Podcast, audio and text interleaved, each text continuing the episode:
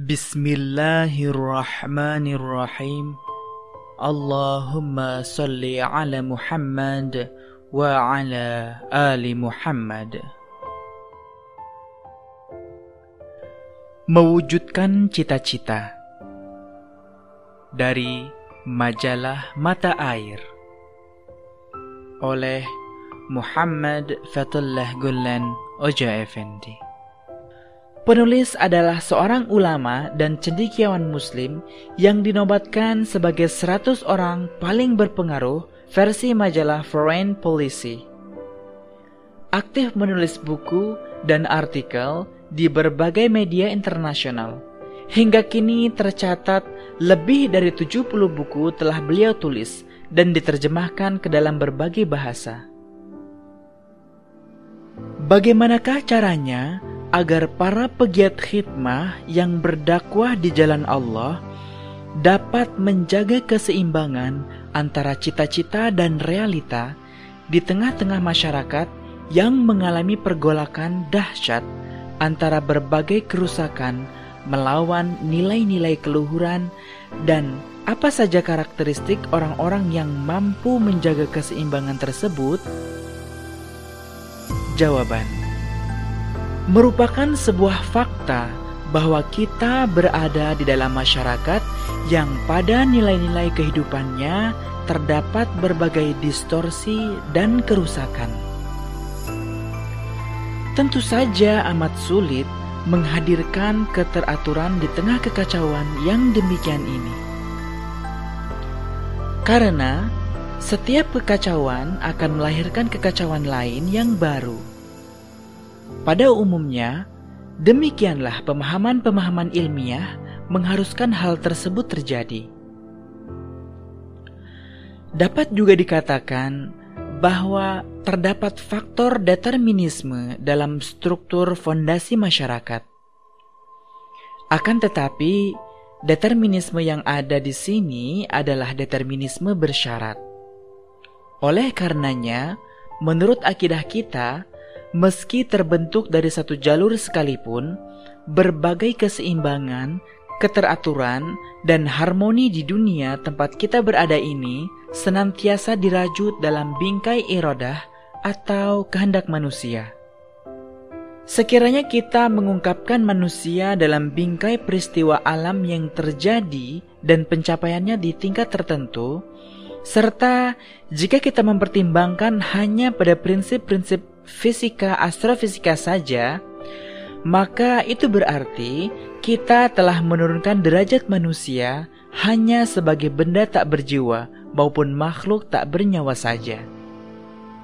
Padahal, salah satu dari sekian banyak anugerah Allah Subhanahu wa taala teristimewa dan yang paling penting bagi manusia adalah iradah atau kehendak yang dimilikinya.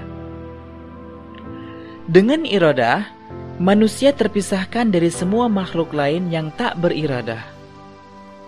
Dalam masalah ini, karena adanya iradah, maka segala sesuatu yang berhubungan dengan pembangunan dan pembaharuan pada diri manusia bisa jadi didahului oleh kekacauan. Pada periode semacam itu, sembari memutus lingkaran keburukan berbagai entropi, atau transformasi, perubahan dan keruntuhan, manusia berkat inayat dari Allah Subhanahu wa taala kemudian mengganti lingkaran keburukan tersebut dengan lingkaran kesalehan. Sehingga siklus mandulnya dapat dibangun menjadi siklus produktif atau kebaikan yang akan berbuntut pada kebaikan lainnya. Jika kita melihat hal ini dari sisi sejarah umat manusia, maka hal ini merupakan bagian dari siklus pengulangan berbagai peristiwa-peristiwa di masa lalu yang sering kali membuat kita terperangah. Misalnya saja sejarah tentang Bani Israel yang hanya mampu berputar-putar saja di gurun Tih tanpa tujuan selama 40 tahun. Beberapa orang di dalamnya memiliki tekad yang bulat untuk meraih tujuan yang tinggi pada akhirnya, hari ketika mereka akan memimpin wilayah itu pun tiba. Selanjutnya, Bani Israel yang di masa sebelumnya benar-benar dekat dengan hal kebendaan atau materialis, lalu dikejutkan dengan risalah Nabi Isa alaihi salam yang datang secara bertubi-tubi. Sehingga pada akhirnya mereka pun berbenah, merapikan barisan, dan bangkit menjadi jemaah yang lebih teratur dan terbuka pada pesan-pesan metafisik. Terdapat banyak contoh seperti ini di dalam lembaran sejarah dunia. Contoh lain adalah ketika di zaman jahiliyah, semua aturan moral dihancurkan dan fondasi keluarga hancur berantakan. Sebenarnya, jika kita menggunakan pendekatan yang dipakai Ustadz Bediuzaman Said Nursi, maka sangatlah mudah bagi Allah Subhanahu wa taala untuk menampilkan kumpulan orang yang dapat menjadi mu'alim atau penunjuk jalan menuju peradaban bagi umat manusia meski mereka berada di tengah masyarakat dengan nilai moral yang mengalami degenerasi dan hancur lebur seperti masa itu sekalipun. Semua itu menunjukkan bahwa faktor-faktor yang kita sebut sebagai perasaan kesadaran, dan kemauan keras bukanlah hal-hal yang dapat kita abaikan. Iya, faktor-faktor tersebut selain membedakan mereka dari manusia sebangsanya, sahabat karibnya, dan makhluk sejenisnya di alam semesta, ia juga memisahkan mereka dari entitas yang tunduk pada perintahnya, hewan, tumbuhan, dan ciptaan lainnya yang dapat dikelola manfaatnya oleh manusia. Di masa lalu, sosok-sosok agung seperti Khalifah Abu Bakar, Umar bin Khattab, Utsman bin Affan, dan Ali bin Abi Thalib radhiyallahu anhum dapat lahir dari masyarakat jahiliyah yang amat beringas. Berdasarkan contoh dari kemunculan dan pembentukan masyarakat teladan semacam ini, bila dilihat dari perspektif sejarah tersebut, maka dengan pertolongan dari Allah Subhanahu wa taala pada masyarakat kita pun akan dapat terlahir generasi baru yang dapat menghadirkan kelapangan bagi harapan-harapan kita. Asalkan kita mampu menanamkan vaksin cinta iman kepada mereka. Oleh karena cinta, kasih sayanglah yang memberikan nutrisi bagi keinginan dan juga pada harapan. Ya, harapan hanya dapat dipelihara oleh iman. Orang-orang yang tak memiliki iman tidak mungkin memiliki harapan.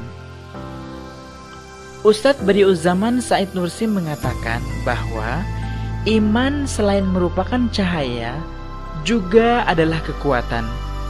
Manusia yang berhasil meraih iman yang hakiki dapat menerima tantangan dan bisa menghadapi segala sesuatu dengan kekuatan imannya. Itulah mengapa menanamkan cahaya iman kepada generasi baru dapat membantu agar iman itu mengakar kuat dalam dada mereka adalah hal teristimewa yang amat penting. Iman dan ilmu Asas paling penting setelah iman adalah ilmu. Meski pada masa ini iman dan sains sering diperlihatkan bertentangan satu sama lain. Tetapi pada dasarnya, keduanya adalah satu kesatuan dengan dua sisi wajah yang saling berhubungan. Dikarenakan manusia dapat membuka pintu kecintaan pada hakikat melalui iman. Kecintaan pada hakikat adalah kecintaan untuk meneliti pada manusia, sementara cinta akan penelitian pada akhirnya akan melahirkan cinta pada ilmu pengetahuan. Itulah mengapa ilmu pengetahuan harus disukai dengan derajat cinta. Ketika kita mencintai ilmu, maka tak boleh pula dijauhkan dari kecintaan pada hakikat. Karena cinta akan hakikat berarti melayani umat manusia. Menurut hemat penulis, Hampir semua masalah, baik materi maupun spiritual, dapat dengan mudah diselesaikan dengan cara menggabungkan kedua hal khusus ini, yaitu cinta ilmu pengetahuan dan cinta pada hakikat kebenaran. Dari sisi lain, kita juga perlu menambahkan rasa cinta pada tanggung jawab dalam prinsip-prinsip ini. Melakukan khidmah, yaitu berdakwah dengan cara melayani pada sesama, semata-mata hanya demi menunaikan tugas dan menyelesaikan tanggung jawab tanpa ternodai oleh hasrat untuk meraih keuntungan bersifat materi maupun imateri apa pun, serta mengamanahkan tugas ini kepada para pemuda benar-benar merupakan salah satu unsur yang dapat menghentikan segala kekacauan ini. Ketika kita bertindak dengan jiwa semangat tanggung jawab semacam ini, maka kemalangan akan berbalik menjadi sebuah keberuntungan. Semoga kesimpulan Para pegiat gagasan dakwah ini tak boleh sekalipun terjebak pada kecintaan akan kemakmuran dan masa depan, sehingga dengan demikian ia akan dapat berderap menuju hari esok bersama seluruh bangsa. Ya, mari kita menafikan diri kita, hingga dengan penafian tersebut kita akan mampu meraih berbagai manifestasi penciptaan. Maka inilah yang disebutkan dalam pertanyaan di atas tadi. Sebuah indikator terbesar dari keberadaan orang-orang yang masih berusaha mewujudkan cita-cita mereka meski berada dalam masyarakat yang nilai-nilai prinsipnya telah hancur lebur. Catatan Determinisme adalah paham yang menganggap setiap kejadian atau tindakan, baik yang menyangkut jasmani ataupun rohani, merupakan konsekuensi kejadian sebelumnya dan ada di luar kemauan. Di bawah kepemimpinan Nabi Musa, mereka menjadi kaum yang paling mulia kala itu. Setelah menyelamatkan diri dari Mesir, Bani Israel dibimbing Nabi Musa menuju tanah yang dijanjikan, yaitu Palestina. Bani Israel yang suka membangkang pada Nabi Musa membuat Allah geram hingga membuat mereka berputar-putar di padang pasir tanpa sampai jua ke tempat tujuan. Meski diganjar berpuluh tahun, tak jua sampai ke Palestina. Bani Israel masih saja mendapat rahmat Allah yang maha kasih dan sayang. Allah mengutus awan untuk menaungi mereka.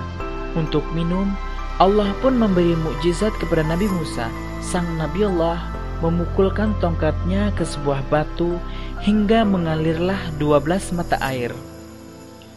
Jumlah mata air tersebut sesuai dengan jumlah kabilah kaumnya.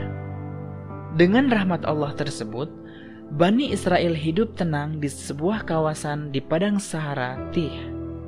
Meski bertahun-tahun berputar-putar di padang tersebut, mereka tak pernah menderita kesulitan, apalagi penyakit. Sifat membangkanglah yang justru mendera Bani Israel. Mereka tak pernah bersyukur atas rahmat Allah Subhanahu wa taala. Terdapat satu lagi rahmat Allah yang tak kalah luar biasa. Mana dan salwa itulah anugerah Allah untuk memenuhi kebutuhan pangan Bani Israel.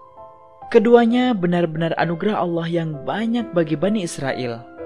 Secara etimologi, mana pun bermakna karunia dan salwa bermakna penawar hati.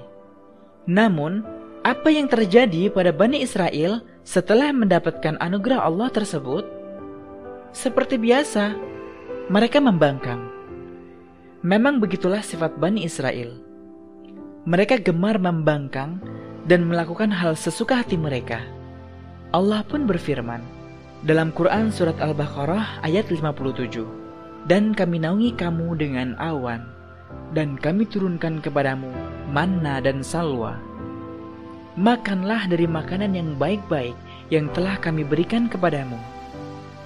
Dan tidaklah mereka menganiaya kami, akan tetapi merekalah yang menganiaya diri mereka sendiri.